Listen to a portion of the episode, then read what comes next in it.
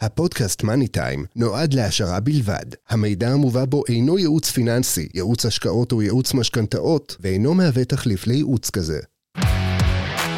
מאני טיים, הפודקאסט הפיננסי של צחי גרוסמן.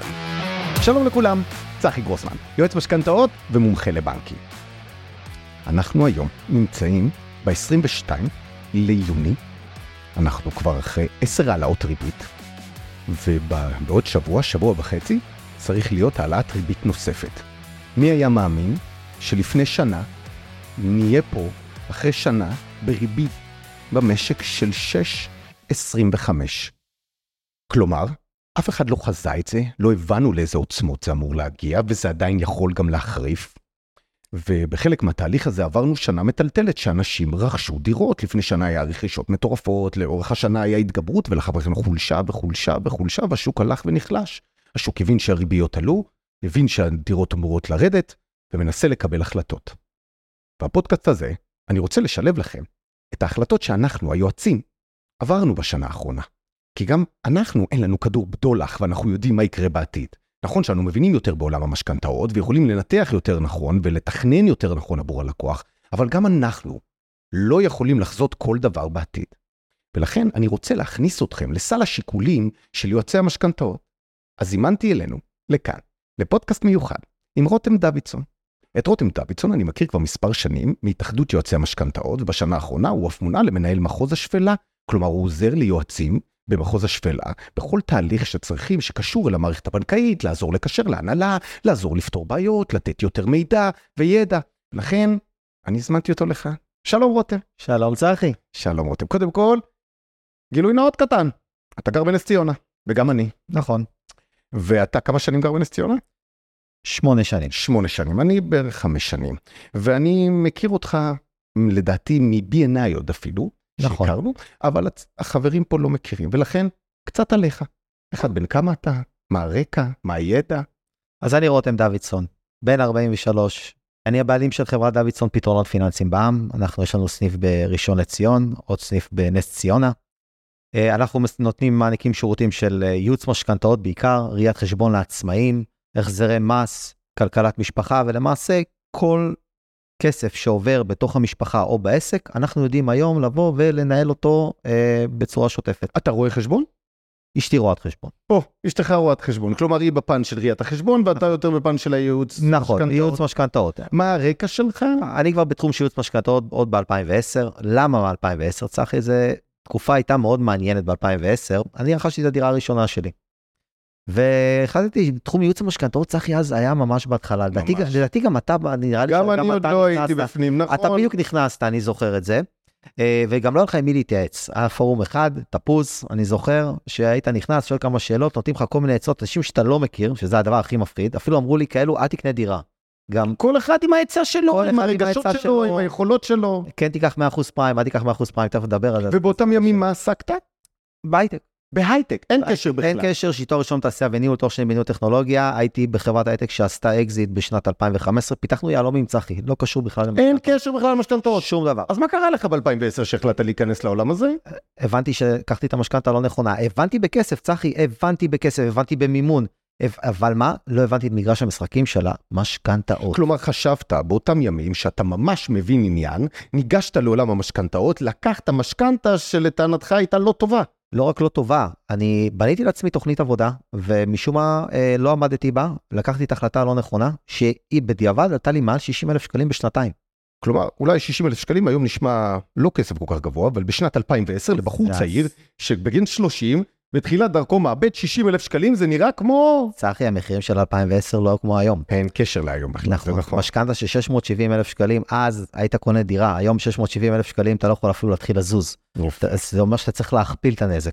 ואז בעצם החלטת ללמוד לעומק את התחום? נכון, נרשמתי בשנת 2012 למכללת אומנות הנדל"ן אצל אשר לוגסי, הוא היה אה, המורה הראשון שלי למעשה.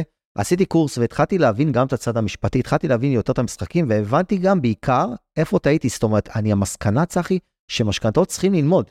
אתה צריך ללמוד, אתה צריך להבין את זה, זה לא רק מספרים ואקסלים ואוקיי, אני יודע מה זה צמוד מדד. לא, חברים, יש פה כללי משחק כמו בכדורגל, אתה נכנס למגרש משחקים. מקסים. אז יאללה, הרמת, מתחילים לצאת לדרך. אז אנחנו המבינים הגדולים, בואו נחזור לחודשים פברואר-מרץ, שנה שעברה. פברואר-מרץ שנה שעברה זה הפעם הראשונה שהבנו שהנגיד בישראל קצת מחליט להשתולל. מחליט לשנות את כללי המשחק שהיינו רגילים להם במשך חמש שנים. באותם ימים, שוק הנדל"ן, אש, אש, אש. קדימה להסתער. כלומר, כולם רוצים לקנות דירות, מחירי הנדלות, מחיר הנדל"ן הוא בפיק, המקסימום מחיר, לא מפסיק לעצור, ויצאנו אחרי שנה, שנה וחצי של קורונה, מחירי המשכנתאות זולים. אבל לא רק זולים, גם היית יכול לבקש איזה מחיר שאתה רוצה על הדירה, צחי. זה פשוט היה מדהים. אני בעצמי, אני זוכר שבאותה שנה ניסיתי למכור דירה פה בנס ציונה. ביקשתי 200 אלף שקלים מעל מחיר שאתה יודע, רוב המתווכים חשבו, ו- וקיבלתי. וקיבלת. וקיבלתי, זאת אומרת, זה לא הייתה בעיה, גם לא היה בעיה לאשר משכנתאות, צחי. ככה אגב לא עושים עסקאות. נכון. כששוק מתנהג בצורה כזאת, יכול להיות ששם הייתה צריכה להידלק איזושהי נורת אזהרה לכל העם, שכאשר דירות נמכרות בצורה של מקפיצים מחיר ולא משנה מה, העיקר לתפוס, העיקר לקחת, העיקר לקנות, שוק איבד שיווי משקל. השוק איבד שיווי משקל ואנשים התחילו לאבד את הכיוון ואת הצפון, הם, היו, הם חשבו, אתה יודע, אוקיי, אז הריבית הייתה מאוד נמוכה אה, לאורך השנים, ואוקיי, גם הריביות הקבועות היו מאוד נמוכות, הכסף זול, אז הוא גם אמור להישאר זול. אנחנו לא מבינים, גם בבנק, אתה יודע, באותה תקופה לא הייתה את הרגולציה שיש היום, שהיו מציירים לך גם מצב שאתה יודע, לא, לא היו מספיק מפרטים לך את הסיכונים לאורך הדרך. לא אוקיי, אבל היום. אנחנו, אנחנו היועצים, ישבנו עם לקוח בחודש פברואר-מרץ, וכמדומני הייתה העלאת הריבית הראשונה, וראינו עליית ריבית, אם אני לא טועה, היא הייתה בין חצי אחוז ל-0.75, היא הייתה קצת אגרסיבית. נכון. והבנו שבעצם השינוי לכל משפחה הוא ינוע בין 25 ל-50 שקלים. מה חשבת באותם ימים? לאן המשק הולך? שהנגיד דיבר על העלאת ריבית של אחוז וחצי, שניים. נכון, תראה, אנחנו, כמו שאתה אמרת בתחילת הפרק, אנחנו, אין לנו כדור בדולח, אבל אנחנו כן יודעים לבוא ולנהל סיכונים עבור הלקוחות. ובאותו זמן התחלנו לקבל, צחי, שיחות, שיחות טלפון בלתי פוסקות. אוקיי, מה זה אומר? למה זה עלה לי? למ, מה, לאן זה עוד יכול להגיע? זאת הייתה השאלה הכי פופולרית. לאן זה יכול להגיע? ועכשיו תוסיף לכל זה, לכל החגיגה הזאת, גם את נושא הצמדת מחירים לצרכן, ופתאום אתה מגלה שלקוחות שלקחו משכנתה לפני שנה, צחי, וקנו דירה במחיר גבוה ממה שחשבו, גבוה ממה שחשבו, מצאו את עצמם עם חוב יותר גדול ממה שהם לקחו. אבל וכוח... זה היום אנחנו מסתכלים, אבל בואו רגע נחזור לאותו, לאותו רגע, לאותו פברואר-מרץ, שכאשר אנחנו, יועצים, אני, אתה, יועצי ההתאחדות, יושב עם לקוח, חשבת להציע למישהו, בוא ניקח 100% קבוע, בוא נתנפל על הריבית עכשיו, זאת הייתה החשיבה? החשיבה הייתה, אני, אני אפתיע אותך דווקא, החשיבה שלי הייתה בדיוק כמו היום, שזה עניין שצריך להתאים, אבל עם שינוי אחד עיקרי. ניהול הסיכונים צריך לתפוס מקום בדרגה גבוהה יותר. זאת אומרת, אם אנחנו לפני שנתיים היינו מתכננים משכנתה, הייתה איזושהי סוג של שאננות. אנחנו צריכים להגיד את האמת, הייתה סוג של שאננות לא מצד היועצים, מצד הציבור. ש... שהריבית תמיד תישאר נמוכה. שהריבית תישאר נמוכה. היום אתה לוקח יותר ניהול סיכונים. ואגב, השאננות הזו נבעה כתוצאה מכך שבנק ישראל אפשר לגדול לשני שליש מהמשכנתה שלך בפריים. זה הוזיל לחלק מהאנשים את ההחזרים החודשיים. זה עזר להם להיפטר אולי עם ההצמדה למדד שהיה להם בתיק, והם הרגישו וואו. נכון. ולקחו הרבה יועצים לקחו אחוזים גבוהים של שני שליש פריים, צחי, שני שליש פריים. אגב, אני יכול להגיד לך ששני שליש פריים, זה, הפריים הוא מסוכן בהגדרה. הפריים הוא מסלול שהוא מסוכן בהגדרה, במיוחד ב... אבל אני מחזיר אותך לפברואר-מרץ. פברואר-מרץ, אנחנו עברנו חמש שנים שהפריים תקוע על 0.1, הריבית במשק על 0.1, הפריים הוא 1.6. כאשר ישבו יועצים עם לקוחות, הם ישבו, הרבה מהם, על לקחת עדיין שני שליש פריים. אני לא אומר רק יועצים, היו גם פקידים בבנק והיו גם לקוחות שרצו את זה, והאמינו שבעתיד הקרוב אולי עוד ירד וישתפר לנו די מהר, ואם יעלה לא יעלה הרבה. אני יכול להגיד שאף אחד לא יכל לנחש מה יקרה. אבל איך הייתה החשיבה באותם ימים? כן, באותו, באותם ימים היית כבר יכול להתחיל לראות את האמברקס בעולם הנדל"ן מתחיל, לה, לה, מתחיל להביא את האיתות שלו. זאת אומרת, היית כבר מתחיל לראות סוג של עצירה קטנה. לא, לא, אני עוד רוצה לדייק אותך. בחודש מרץ, שום עצירה לא הייתה. כשהריבית התחילה לעלות, לא הייתה עצירה. עצירה, ואפילו עד הקיץ, כשאנשים הבינו שהריבית עולה ועולה ועולה, אז רצו, המשיכו לקנות נדל"ן. אבל אנחנו כיועצים, בעצם, או חלק מהיועצים, ניסו לבנות תמהילים שונים. הבנקים היו מבולבלים, אנחנו היועצים, הלקוחות היו מבולבלים. אני ראיתי תמהילים לאורך השנה האחרונה שמשתנים בצורה 180, מקצה לקצה, נכון. לאותם יועצים. בין אם בהתחלה קפצו על המצוירים הצמודים, ולאחר מכן ניסו לקחת הרבה פריים כדי לא לקחת את הצמוד, ולאחר מכן ניסו לקחת, היה בנק שאמר, תיקחו חמישית, חמישית, חמישית, חמישית. כך אה, קצת אה, צמוד משתנה וקצת... היו עושים סלט, צחי, היו עושים סלט. כי באמת היה סוג של אה, עובדי עצות. אני, אני חייב להגיד לך, צחי, אני באותו זמן שהריבית התחילה לעלות, אני הייתי מעלה את מרכיב הקבועה קצת יותר. זאת אומרת, אני כבר באותו זמן אמרתי, חבר'ה, תתפסו את הריבית הקבועה עכשיו. אוקיי. למה זה, אנחנו כבר רואים, אתה יודע, יש איזושהי תחזית. זאת אומרת, בנק ישראל כן מפרסם תחזית, כן מדברים על העלאה, אתה גם חי את העולם, אנחנו חיים את העולם, צחי, אנחנו רואים מה קורה מחוץ ישראל, אנחנו לא חיים באיזושהי בועה. אז כן, אני הייתי מושך יותר לכיוונים של תמהילים סולידיים, שבדיעבד זה היה נכון. יותר סולידיים, עדיין אבל באותו זמן שאתה מדבר, אותם חודשים, מרץ, אפריל ומאי, עדיין הייתי משתמש במרכיב הפריים. יפה. עכשיו, הגענו לקיץ, ובקיץ ראינו שהשוק קצת מתחיל להיחלש. התוצאות שבטלוויזיה הציגו שעדיין יש עליית מחירים בנדל"ן, כי אנשים עוד רצו ולהספיק עם כביכול ריביות זולות. אבל באותה חצי שנה הראשונה, הריבית הקבועה קפצה חזק מאוד כלפי מעלה, והמרווחים של הבנקים קפצו מאוד. כלומר, בנק גם תמחר סיכון יותר גבוה בעסקה, והרים ריביות חזק. באותם ימים, גם אם הריבית עוד לא קפצה כל כך חזק, כבר אנשים התחילו לקבל במקום 3% קלץ, 5% קלץ. מה קרה בחצי השנה הראשונה, לעומת לאחר מכן? החצי גם שנה... הבנקים היו בפאניקה, צחי, גם הבנקים היו בלחץ, הם התחילו לעלות מרווחים, התחילו לגלם את הסיכון. בגדול, הם גילמו את הסיכון בעליית ריבית. או, כלומר, בחצי שנה הראשונה, כאשר הריבית רק החלה לעלות, ואנשים לקחו משכנתאות כי הם נכון. חשבו, אני מסיח, אני אנצח את השוק, הם קיבלו במרווח גבוה. מרווח קטסטרופלי, היינו יכולים לראות אפילו צחי פריים פלוס חצי. רק שנייה, בוא נתרגם לאזרח הפשוט ששומע אותנו, מה זה אומר מרווח? מה הבנק עושה בעסקה כזאת? הוא מרוויח? מה הוא מרוויח? הוא מרוויח באחוזים. בנק מרוויח מבחינתנו באחוזים. זה כמו שאני אגיד לך שבנק רוצה להרוויח על העסקה שלך 2 לדוגמה. לדוגמה. לדוגמה כ-2 בוא ניקח. אוקיי, ובימים כאלה פרועים, הוא לקח גם 3-4 אחוז. הוא יכול להרים את המרווח, ומנגד, בימים אלה, בימים אלה בחצי שנה האחרונה, מה קרה? אנחנו רואים הזדמנות יוצאת דופן. רגע, בוא נדקן. מה זה הזדמנות? הזדמנות איפה? בשוק הנדל"ן אנשים אומרים לי, איזה לא, הזדמנות אתה י- מדבר איתי? המחירים עוד ירדו. הוא יכול ליהנות ממרווחים מאוד מאוד נמוכים. בוא ניקח לך דוגמה, אני אתן לך דוגמה, ואני אסביר לאותו. לאזרח, כן. לאזרח. אם לדוגמה היינו לוקחים חצי מהמשכנתה שלנו בפריים וחצי משכנתה בגבוהה לא צמודה. בסדר? יפה. יפה. הגבוהה לא צמודה הייתה חמישה אחוז, כמו היום, בוא נגיד כמו היום אפילו. אה, וזה משוגע, שגם לפני חצי שנה וגם נכון. לפני שמונה חודשים, אותה ריבית בקבועה והריבית עלתה 4 אחוזים. אבל שים לב מה קורה בפריים. אם היית מקבל את זה לפני שנה, שנה וחצי, בפריים פלוס חצי, זאת אומרת, לוקחים את מרכיב הפריים, ריבית בנק ישראל פלוס אחוז וחצי, ועל זה מוסיפים עוד חצי אחוז, צחי, היום אפשר לקבל את זה בפריים מינוס חצי, ואני אגלה לך, אולי אפילו בפחות. זאת אומרת, המשכנתה שאתה יכול לקבל היום בוודאות, לא אולי, לא בערך, כי אתה קונה נוסחה, פריים זה נוסחה, פריים מינוס משהו, פריים פלוס משהו. בוודאות אתה יכול לחסוך על מרכיב הפריים אם אתה עושה מחזור משכנתה. אוקיי, זה נתון חשוב מאוד ואני רוצה להתעמק עליו, ובואו נבהיר נקודה מסוימת. יכול להיות שלקוחות במהלך השנה האחרונה לקחו משכנתה. חשבו שזו הריבית הכי טובה, לאותו רגע עשינו מכרז חזק, גם לקוחות שלי, גם לקוחות שלך, נלחמנו, בין אם לקחנו עם הרבה פריים או בלי פריים. אבל אם לקחנו הרבה פריים, כנראה באותם ימים נתנו מרווח יקר. נכון. כלומר, במקום לתת פריים מינוס, נתנו באותם ימים מרווח של פריים פלוס. נכון. בחצי שנה האחרונה קרה משהו. מצד אחד הריביות הקבועות או המשתנות כל חמש או כל שבע, המחיר שם נתקע, ומצד שני הפריים המשיך לעלות. כך שאם היום לקוח מבקש לצאת ממסלול הפריים, ולעבור למסלול שהוא לדוגמה משתנה, משתנה כל חמש, כן. שגם הוא לא צמוד, נכון.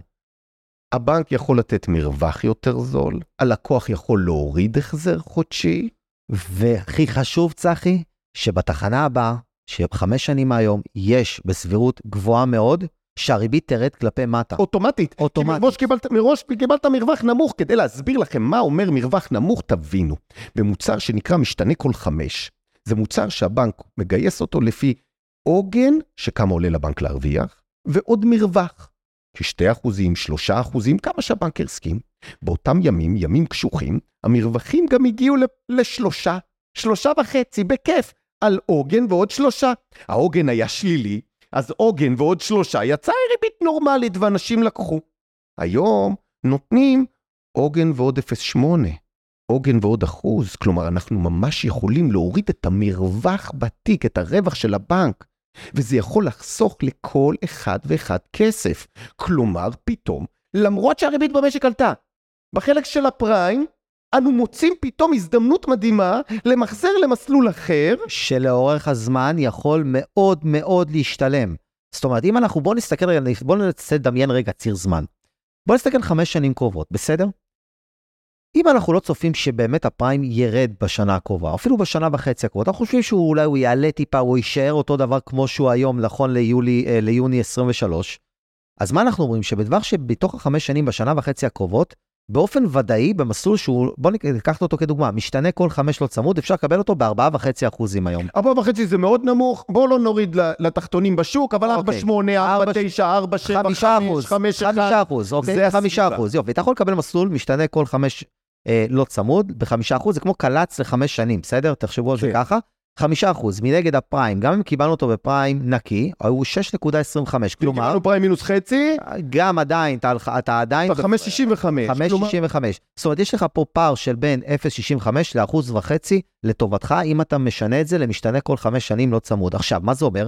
שבמהלך השנה וחצי הקרובות, צחי, בוודאות אתה מרוויח. אתה כי אתה משלם פחות ממה שכבר היה, נכון. אם הריבית עוד תעלה, אתה עדיין נכון. נשאר עם מה שיש לך, אבל אם הריבית תתחיל לרדת, גם ייקח לה זמן עד שהיא תרד. רגע, עכשיו בוא, בוא נצא מנקודת הנחה שבעוד שנה וחצי הריבית מתחילה לרדת. אוקיי, אז בוא נגיד שהיא תהיה במהלך חצי שנה שלאחר מכן, זה יגיע לרמה כמו המשתנה כל, כל חמש שנים לא צמוד, היא תרד ב-0.75. כלומר, במהלך השנתיים האלו, נכון שהריבית בפריים ובמשתנה כל חמש שנים, נקרא לזה מל"צ כדי שיהיה לנו יותר קל, מל"צ, היא תהיה זהה, לא צמוד. משתנה לא צמוד, היא תהיה זהה, אבל במהלך השנתיים הרווחת. עכשיו, אם הפריים ימשיך לרדת כעבור שנתיים, אוקיי, פה יכול להיות שאתה מתחיל לייצר לעצמך, לקזז את הרווחים שעשית לאורך השנתיים האלו. אבל אם אנחנו נסכום את זה כחמש שנים, אז במקרה, בתסריט הגרוע, צחי, לדעתי אנחנו נהיה בסוג של break even.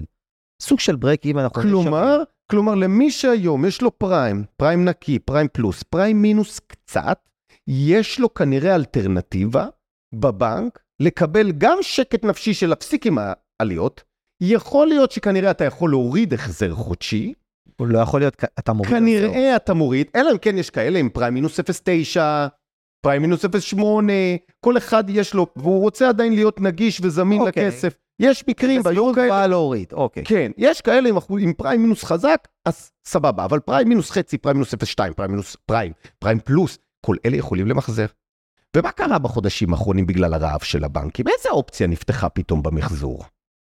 פתאום נפתחה אופציה שאתה יכול בעצם להתחיל למחזר רק אה, מסלול אחד.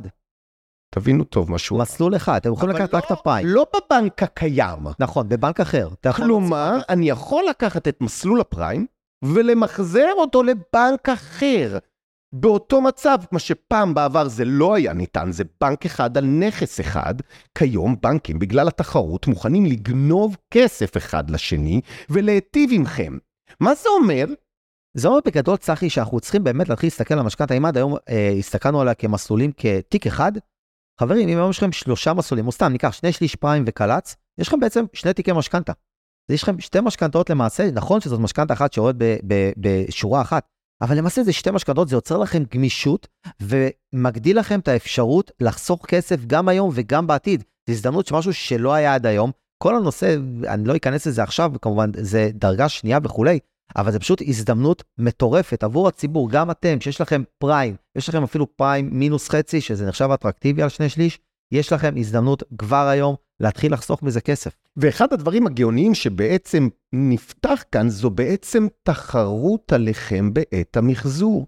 כי לרוב, כאשר לנו יש משכנתה ויש חלקים טובים, כי לקחנו במהלך השנים האחרונות, תפסנו ריביות זולות, אנחנו לא רוצים לוותר על הריביות הזולות שתפסנו, ואנחנו רוצים למחזר חלק. וכאשר אנחנו חוזרים לבנק הקיים, ואנחנו אומרים לו, תמחזר לי רק חלק, הבנק הקיים לא שש לתת את הריבית הכי טובה על החלק הזה. ובעצם זה שבנק אחר נכנס לתחרות על הכסף הזה, זה צריך לגרום לבנק שלנו לשקשק שהכסף לא יברח. כלומר, אנו יכולים לייצר מלחמה על עצמנו יותר טובה, כלומר נפתח תחרות נוספת עליכם, גם בעת המחזור. זו תחרות שצחי לא הייתה עד היום, הציבור צריך להבין שיש שם פעמיים הזדמנות. פעם ראשונה, זה נושא המרווחים, כמו שדיברנו, אפשר לקבל היום פריים במרווח הרבה יותר טוב, אם פעם הייתם מקבלים פריים פלוס חצי, היום זה פריים מינוס חצי, כמו שהסברנו, וגם, עוד פעם, לעבור בין, בין בנקים, לשנות מסלולים, לעדכן, להוריד החזר חודשי, ובעצם ליהנות ממשכנתה שתהיה מאוד מאוד יצירתית וחסכונית. אוקיי, okay. אז מבחינתי, הדבר הכי חשוב לי אליכם, זה שאתם בודקים את המשכנתה. היום, מחר, כל אחד. לקחתם בשנה, לקחתם לפני שנתיים, לקחתם לפני שלוש, לא מבינים, שלחו, שלחו ליועץ, שלחו לבדיקה, תבינו, היום יש אלטרנטיבות. ואז זה מרים לי לנושא הבא. שהנושא הבא זה בגלל שעולם המחזורים חזר לחיים, פונים אליי לקוחות לבדוק כדעה שנייה. מאיזה חברות, אני אקרא לזה מפעלי מחזור. ישנם חברות בשוק שמפעלי מחזור שאומרים לך, כן, כן, בוא, ומעלים ישר את הבנק על הקו, ולוקחים את הדוח, ומספרים לך סיפורים ומעשיות, ווואו, כמה הם חוסכים. אז האם, האם אתה מכיר את התופעה הזאת? אתה שמעת על... מכיר תופעה, צחי, כי עולם ייעוץ המשכנתו אנחנו צריכים להבין, עד היום אין ממש רגולציה והגבלה. אתה יכול מחר לקום, לפתוח, אה, לכתוב לעצמך, לא אתה, כן, אבל מישהו יכול לקום בבוקר ולכתוב על כרטיס ביקור, אני יועץ משכנתאות, ויאללה, להתחיל לפזר הבטחות. אנשים למעשה רוב החברות והאנשי שיווק שיושבים שם לא באמת מבינים את משמעות תהליך של ייעוץ משכנתה. ייעוץ משכנתה, אגב, זה לא רק ריביות, אנחנו מדברים פה כל הזמן ריביות, ריביות, אבל בואו ננסה להבין רגע מה עומד מאחורי המספרים. עומדים משפחות, משכנתה היא שליש מההוצאה המשפחתית בכלכלת המשפחה לפחות, היום זה כבר מגיע ל-40, יש כאלה אולי אפילו 50 אחוז. עם משכנתה, שהיא העסקה, אתם לא קונים שמלה, אתם קונים מאות אלפי שקלים, אתם קונים מיליוני שקלים. אם על שמלה אתם מתלבטים פעמיים, לצערי, במשכנתה, חייבים לבדוק טוב. עכשיו, מה שקורה, שהרבה מאוד חברות גדולות, נכון, מגייסים היום אה, אנשי מכירות, אין להם מספיק הבנה, הם חושבים גם, מה, זה חיסכון? החיסכון מתבסס על איזשהם הנחות. לכן, כשבאים ואומרים לכם, כן, אני יודע, אחסוך עכשיו 300-400 אלף שקל, תבדקו את זה טוב, כי על סמך, קודם כל, זו תקופה של 30 אבל, אבל האזרח הפשוט לא יודע, הוא לא מבין. בוא ניתן לו כלי. בתפיסה שלי, הכלי הראשון נקרא התאחדות יועצי המשכנתאות. נכון. התאחדות יועצי המשכנתאות היא מקום בשבילכם לדעת שכל יועץ שנמצא, שנמצא תחת הגוף הזה, הוא צריך להיות יועץ מקצועי, ואפשר לבדוק אותו, ואם צריך אפשר להתלונן לאתיקה עליו, אם חושבים שהוא לא טוב, ואני יודע שיש גוף שהוא מפקח עליו, כי זאת הדרך. כל מיני חברות גדולות שבאות למכור לכם, ואני שומע ברדיו פרסומות, אני לא רוצה לציין אפילו את הפרסומות האלה. אתם מתקשרים ומבקשים לכם סכומי עתק למחזורים עם המצאות ושקרים. חברים, תיכנסו לפרופורציות. רוצים להתייעץ? לא איתי, לא עם רותם, תקשרו להתאחדות. תחפשו יועץ מההתאחדות. ישנם יועצים גם בהתאחדות שונים. ילדים שרק הגיעו אתמול ויבקשו שכר נמוך, או כאלה ותיקים מאוד שיכולים לבקש שכר גבוה, אבל לפחות שתדעו שהעצה שקיבלתם היא מהימנה. אני רוצה לחדד את הנושא של התאחדות עוד טיפה. היועצים בהתאחדות, מה שמבדיל אותם, מה שמבדל אותם, סליחה, מה שמבדל את יועצי ההתאחדות אל מול יועצים אחרים שמתקשרים אליכם או שאתם רואים המלצות בפייסבוק, זה שהם עברו סוג של בחינה. עכשיו, בחינות להתאחדות יועצי משכנתאות, חשוב להבין, זאת לא בחינה של כל מי שניגש עובר. אני במקרה מאוד אה, אה, בקיא ומעורב בנושא הבחינות, ומפקח וכולי. אני יכול להגיד לך, צחי, אחוז המעבר עומד על 62 אחוז. סך הכל. 62 אחוז מהניגשים לבחינות עוברים את הבחינה. עכשיו, נכון, זה לא ערובה וזה לא תעודת אחריות, אבל זה סוג של סינון שאתם אומרים, אוקיי, הבן אדם למד, הבן אדם עשה משהו, הבן אדם לא איש מכירות. לא עכשיו, איש מכירות שבא לא למכור לי מכירות. ולדחוף. נכון, וההתאחדות באמת מנסה לחתור לרגולציה, זה תהליך שלוקח זמן, תהליך קשה. מן הסתם גם אנשים, יש גורמים כאלו בתוך המערכת הבנקאית וגם מחוצה לה, שזה לא תמיד נוח להם שיש אה, יועצי משכנתאות, וצריך להגיד את האמת.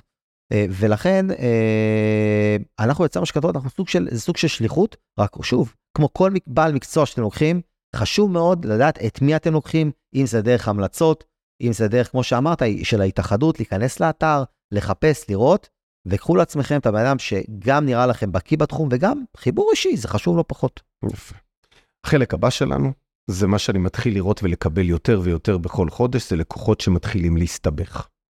או, זה נקרא. בעצם, עברה שנה, ההחזרים מתחילים לחנוק, אנחנו עדיין לא רואים פיטורים במשק, אבל אני רואה בדוח, בדוחות, בניירות, בעובר ושב, אני רואה בעיות בלי הפסקה, אני רואה לקוחות עם הלוואות. איך אתה רואה את התקופה האחרונה? התקופה האחרונה, אני חושב שזה הראי הכי טוב לאיך הציבור אה, של נוטלי הלוואות המשכנתות יתנהג לפני שנה או שנתיים. מה הכוונה? אנשים, כמו שאמרנו בתחילת הפרק, לקחו מכל הבא ליד, לקחו, פשוט שחררו וקנו. בלי הבנה, הם היו רגילים, גדל כאן דור צחי, שהיה רגיל לאינפלציה של 0%, שהיה רגיל לריבית של 1.6 בריבית הפריים.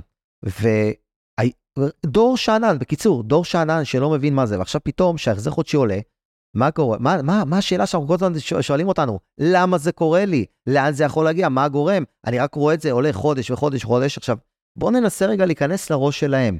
בואו נניח שאנחנו לא מבינים במשכנתות וגם לא לקחנו יועץ, או שלקחנו יועץ ואנחנו לא מבינים מה הוא עושה, שזה הכי גרוע מבחינתי. Okay.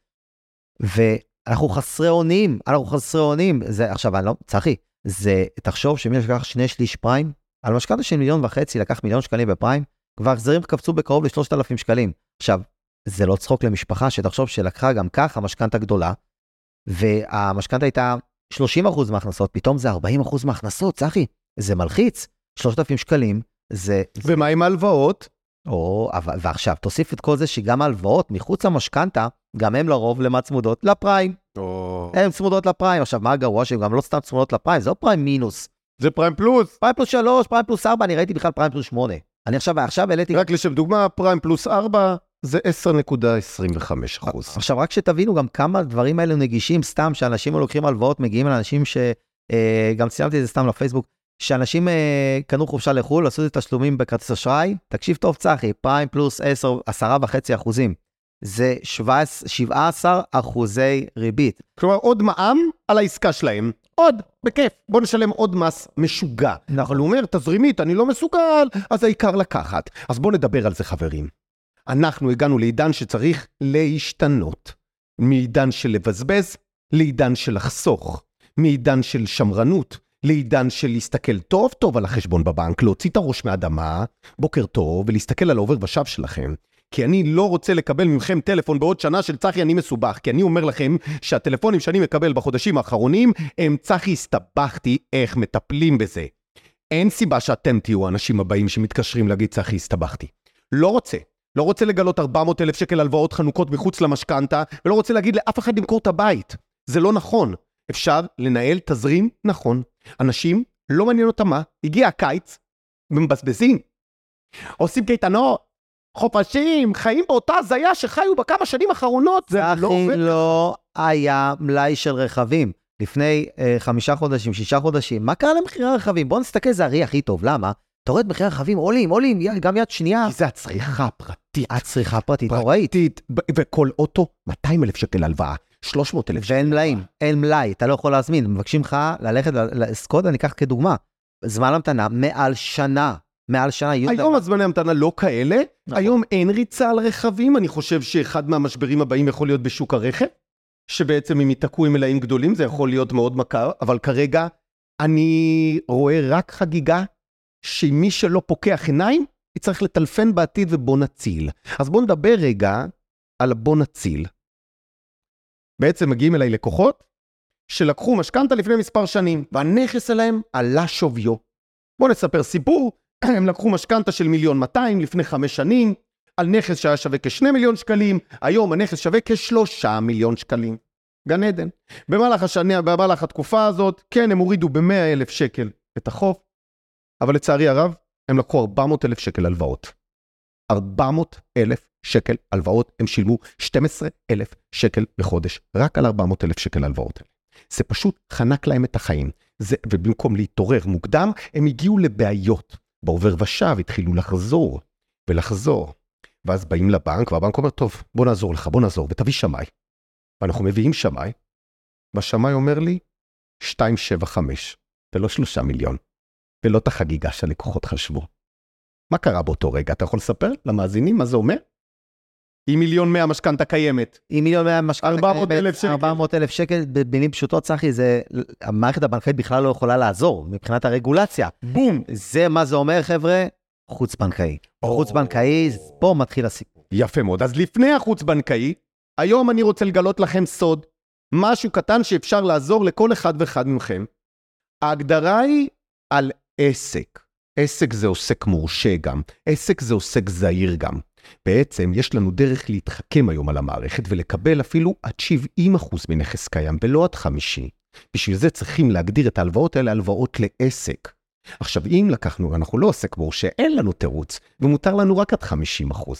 ואז, אם החוב שלי גדול מ-50%, עליי לגשת לחברות חוץ-בנקאיות. אבל אם יש לי עסק, אני יכול להגדיר את זה כדרגה שנייה על עסק, וגם זה עולם חדש שנפתח בשוק המשכנתאות שמנסה להיות משוכלל יותר ומתוחכם יותר ולחפש לכם אפשרויות חדשות, לבנות ולפתור בעיות. אבל אם לא הצלחתי, ורק 50% מימון, כי הבן אדם לא עסק, איזה פתרונות יש לו? בעצם, צחי, הפתרון הוא פתרון אחד. בוא נהיה מאוד מאוד מדויקים. זה פתרון שהוא חוץ-בנקאי. החוץ-בנקאי צריך להבין שהריביות, מה זה אומר חוץ-בנקאי בכלל? חוץ-בנקאי זה אומר מחוץ למערכת הבנקאית. אנחנו הולכים לחוץ, מחוץ למערכת הבנקאית. עכשיו תראה, בעבר חוץ-בנקאי, אם הייתי אומר לאמא שלי חוץ-בנקאי, היה לה צמרמורת בכל הגוף, זהו, והייתה בטוחה עבריינית. לא, לא, לא, זה מדובר על חברות מסודרות. מה זה חברה מסודרת? בוא נמנה. אה, יכול להיות אה, חברות כמו כלל משכנתאות, חברות ביטוח. מנורה, כלל, הראל, הם חברות חזקות, הפנסיה שלכם שמה. נכון. אי אפשר לקחת משם משכנתה? אפשרי? אפשרי. אבל אז, באתי ללקוחות האלה, ואמרתי להם, בואו חבר'ה, יש פתרון. אבל הם אומרים, צחי, תראה, יש לנו משכנתת זהב ביד. אם אתה לוקח אותנו למנורה, אכלנו אותה. הלכה המשכנתה הזאת. אפשר גם לעשות היום דרגה שנייה.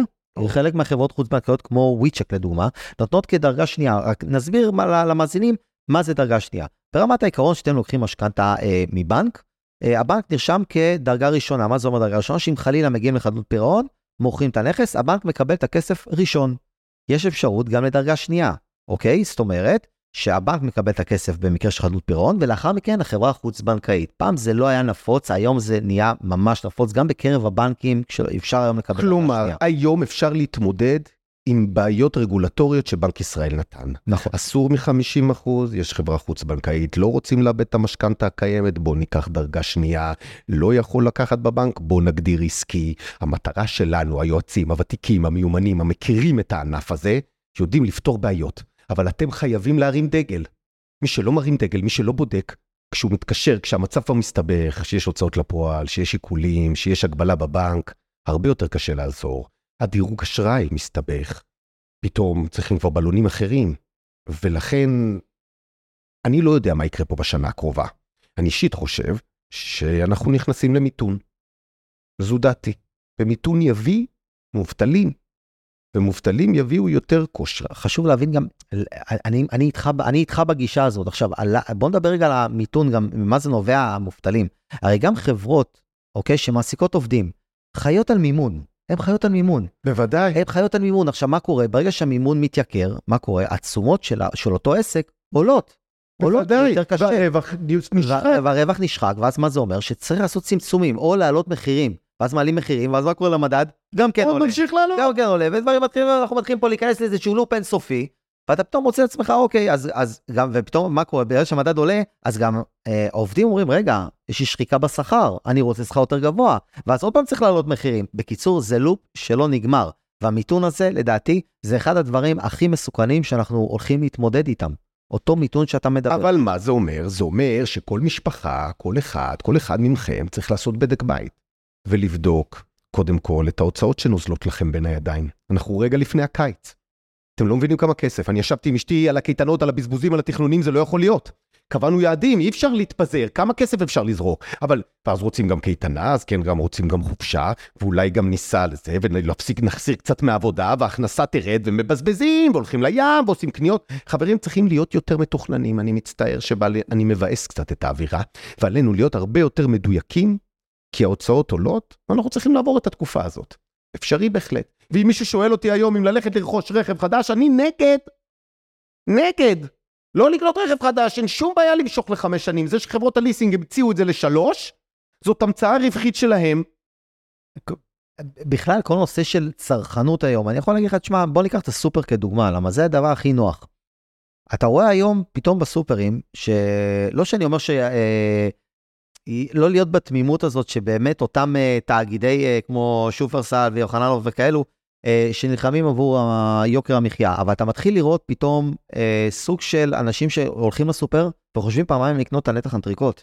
זה מדהים. אנטריקוט, איפה אתה? איפה אתה? יפה, לא, את העוף אוקיי. הקפוא הם לא יקחו. אוקיי, יפה, אז בואו נחשוב. אני מדבר איתך על משפחות אחרות, ובכלל במגזר החרדי עוד לא מדברים על זה שם. יש בעיה מאוד מאוד מאוד מאוד מאוד קשה במגזר החרדי. העלייה הזאת היא לא אותה עלייה אצל החרדי מול החילוני, החרדי מרוויח הרבה פחות, והעלייה הייתה קיצונית בשני המקומות. ושם עוד משפחות.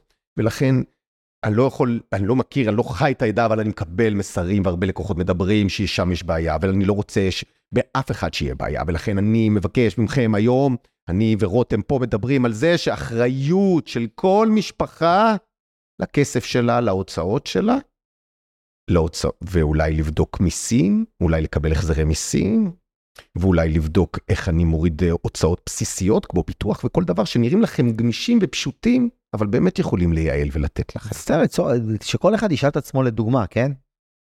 מתי פעם אחרונה ישבתם עם סוכן הביטוח שלכם? מתי פעם אחרונה בדקתם החזר מס? אפילו לא, עזוב, אל תשבו עם סוכן הביטוח. תפתחו הר הביטוח, תוציאו כמה ביטוחים שלכם. תסתכלו שם אם יש כפל. אתם, לבד, בסדר? לבד. תסתכלו, איפה הכסף שלכם? יש לכם כסף? הוא בפיקדון אפס? הוא בפיקדון אחוז? לא הגיע הזמן לשים בקרן כספית, לפחות להרוויח חמישה אחוזים? יש, יש דברים קטנים כאלה. אתם מייצרים חיסכון כל חודש? יש משפחה שלא מייצרת חיסכון כל חודש, אני אגיד לכם, רוב המשפחות לא מייצרות חיסכון. הם מספרים לי, בקרן השתלמות אני חוסך. כן, בסדר. לא חוסכים. אתם צריכים לעבור למות של חיסכון. אנחנו נמצאים בימים שהריבית גבוהה, אז אפשר להשיג תשואה יפה. יש כאלה שאומרים לי, אני לוקח ואני משקיע ב-S&P בארצות הברית והרוויח 30% מתחילת שנה, ויש כאלה ששמו בפיקדון בבנק ב-1%. אז לא צריך קיצוני לכאן ולא צריך קיצוני לכאן, אבל כל הזמן צריך לנהל את הכסף. והדבר שלי חשוב פה, אל המסר אליכם, זה גם המשכנתה וגם אם נלקחה בשנה האחרונה, אפשר לבדוק, אפשר לשנות, אפשר לראות, אפשר לבדוק, כי תהליכים כל הזמן משתנים. תהליכים משתנים והעולם של המשכנתות מאוד מאוד השתכלל וזו הזדמנות, זאת באמת הזדמנות מצוינת כמו שאנחנו פירטנו מקודם. ו, ודבר אחד אחרון לגבי הנושא הזה של הפקדונות. למה זה חשוב? כי בסופו של דבר התזרים הזה החיובי, התזרים החיובי שנוצר לאותן משפחות שמצליחות לחסוך, לאורך זמן, אלו המשפחות שמצליחות למנף את עצמם באמת. אתה יודע, אני נפגשתי עם, משפח, עם כמה משפחות השבוע, אחת שמרוויחה 15, אחת שמרוויחה 20, אחת 25 ואחת 30, ואף אחד לא סוגר את החודש. אין קשר בכלל לכמה שאתה מרוויח. זה, זה פשוט התנהלות. 100% התנהלות. בח... כולם, כל, אף אחד מהם לא חוסך כסף. וכולם מספרים לי שעוד 5,000 שקל, למה זה היה סבבה? כן, אבל זה, זה גם, זה כמו שמזכיר שהיינו חיילים, אמרנו, אנחנו מרוויחים 400-500 שקלים, ואמרנו, ביום שנרוויח בחוץ, אנחנו נהיה עשירים. 4,000 נהיה עשירים. 4,000 נהיה עשירים, מה קרה ש-4,000? קנינו אוטו, קנינו רכב, קנינו בגדים, ואתה אומר, אנחנו רוצים 8,000. אז, וזה, דו, וזה זה בסדר לשאוף, זה בסדר לחיות באיכות חיים, אבל מעל הכל, חשוב להיות בתזרים הנכון. להיות תזרים מאוזן. תזרים מאוזן, פלוס, ואפילו חיסכון, ולחסוך, ו... ולנהל את הכסף שלכם, כסף, גם את החובות שלכם וגם את ההשקעות. רותם, כמו שאני עושה בכל פרק, אז גם פה. אמרנו המון דברים חשובים, וחשוב לי לתמצת לחברים שידעו. אז חברים, מה היה לנו כאן? תוציאו עט ותתחילו לרשום. א', הכרנו קולגה שלי, רותם דוידסון. רותם דוידסון הוא בן 42 מנס ציונה, ויש לו משרד של פתרונות פיננסיים שכוללים גם פתרונות של ראיית חשבון וייעוץ מס ומשכנתאות וכלכלת משפחה. רותם כבר בשנת 2010 בתחום. שוחחתי עם רותם בעצם על מה שעברנו בשנה האחרונה. איך לפני שנה גם אנחנו היועצים לא ידענו לחסות מה קורה פה בשנה האחרונה. וניסינו והבנקים היו בפאניקה והעלו מרווחים והיו תיקים מסוימים של משכנתאות שבחרנו החלטה ימין ושמאל, אני, הוא וכל יועצי המשכנתאות ואזרח לבד פשוט. ואז כעבור חצי שנה גילינו שהריבית הקבועה מתחילה להיתקע, אבל הריבית הקצרת טווח הפריים לא מפסיקה לעלות, ולא מפסיקה לעלות, ופתאום היום ישנם הזדמנויות חדשות. אז רותם בעצם שיתף אותנו במוצר שנקרא משתנה כל חמש, לא צמוד למדד, שהוא מגיע במרווח יותר זול ממה שאפשר לקבל, אפשר גם להוריד החזר חודשי, ואז דיברנו על זה שאני לא רוצה להיות שבוי, אבל אני לא רוצה להיות שבוי לבנק. אז היום נפתח עולם חדש בשוק המשכנתאות. הוא עולם משוכלל יותר, הוא עולם שבנק אחר גם יכול לנקחת לך רק את החלק היחסי ולעשות עליכם תחרות. אז גם מי שלקח משכנתה בשנה האחרונה, וגם מי שלקח משכנתה לפני מספר שנים, אנחנו מבקשים לבדוק את המשכנתה. להוציא אותה לבדוק. לאחר מכן שוחחנו עם מי אני בודק את המשכנתה. בעצם, בגלל שעונת המחזורים חוזרת, אז גם עונת ה... מפעלי מחזורים אני קורא להם. אינני יודע מי נמצא שם במפעל ומה האיכות של המפעל, ואני לא רוצה להלין על אף חברה. אבל אתם, בתור אזרחים, צריכים לדעת שצריכים לקחת יועץ מקצועי. ואם אותה חברה היא חברה חזקה וגדולה, לפחות שיהיו חברים בהתאחדות שיוצאי המשכנתאות.